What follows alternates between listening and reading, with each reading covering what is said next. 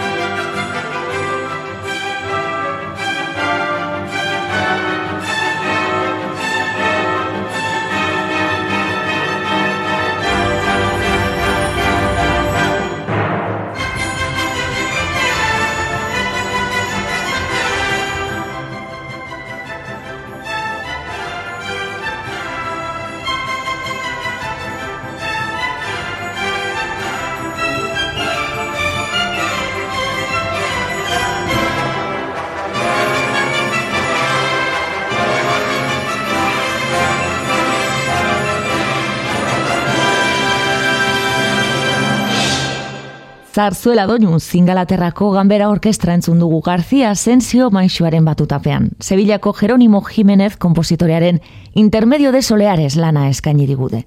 Enrique García Asensiok El Mundo de la Música izeneko telesaioa gidatu zuen irurogeita marreko amarkada bukaeran, bertan zuzendarien papera saltzen zuen eta garai hartako ikusle ondo gogoratuko duzuen ez, batutako paritzen zituen programara bertaratzen ziren aurren artean. Zarzuela Espainiarra Alemaniako Singspiel edota opera komik frantsesaren familia berekoa da eta haiek bezala musika eta antzerkia tartekatzen ditu. Klasikoak EITB-en. Telemanen instrumentu askotariko kontzertu bat eskeniko digu jarraian Berlingo Academy Fualte Musik talde ospetsuak eta ondoren Colores del Sur diskoko pieza batekin Euskal Barrock Ensemble taldekoak hartuko ditugu.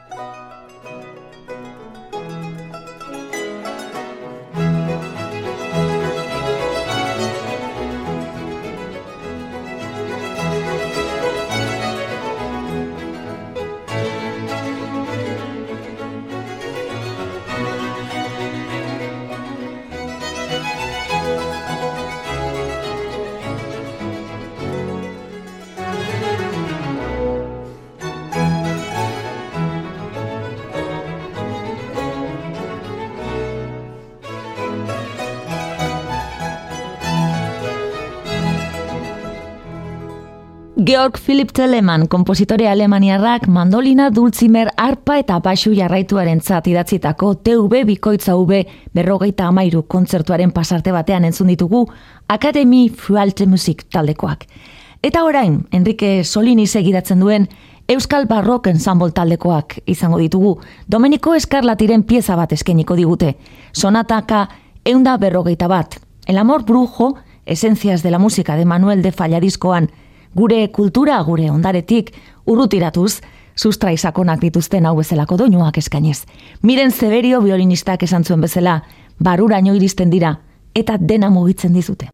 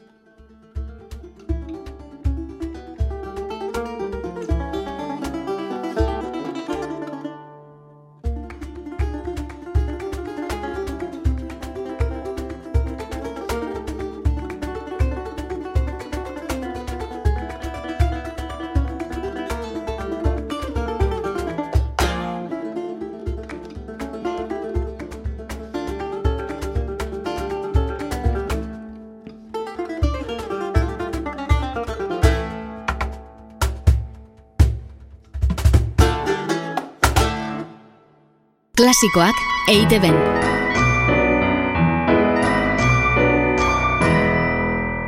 Musikaren hizkuntza unibertsala da, eta jatorri tartariarreko aida garifulina opera abeslaria entzungu dugu. Errusiako instrumenturik nazioartekoena den balalaika izeneko musika tresnaz lagunduta. Moskuko gauak.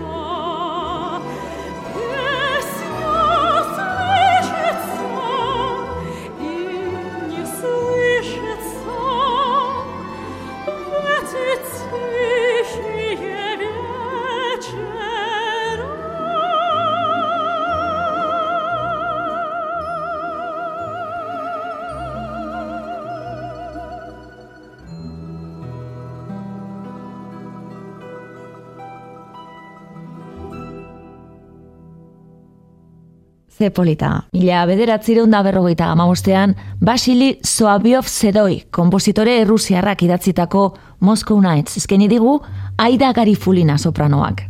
Kategoriko opera izar bihurtu den arren, betidanik entzun dituen herri musika eta baladekin gozatzen jarraitzen du eta ikusten duzuenez, gutizia hori betetzeko aukera izaten du inoizik eta behin. Horen honetan, Kenny Paul and his Jasmine talde ingelesak irurogeiko amarkadan ospetsu egindako Midnight in Moscowren bertsio zoragarria bestu du, balalaika eta guzti. Klasikoak eite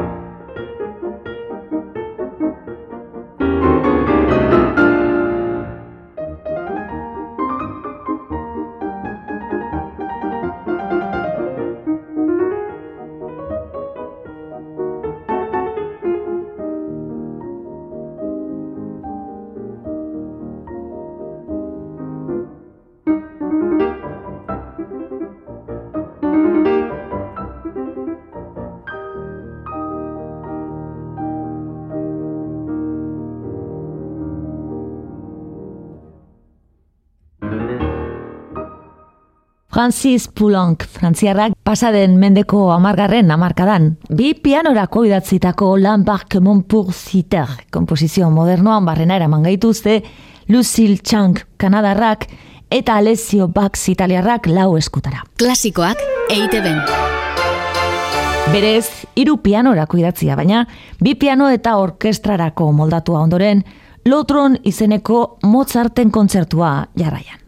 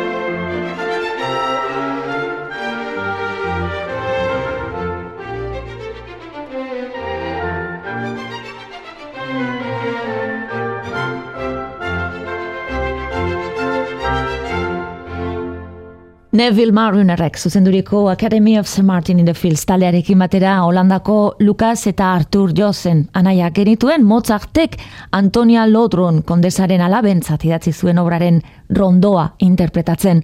Lehen esan duda moduan, orkestra eta iru pianorako idatzi zuen berez, baina urte gutxira piano bat kentzea erabaki zuen eta moldaketa hori da hain justu ere entzun berri duguna. Klasikoak EITB.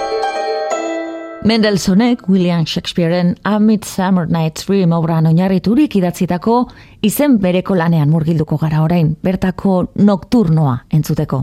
Aurrera John Elliot Gardiner eta Londreseko Orkestra Sinfonikoa.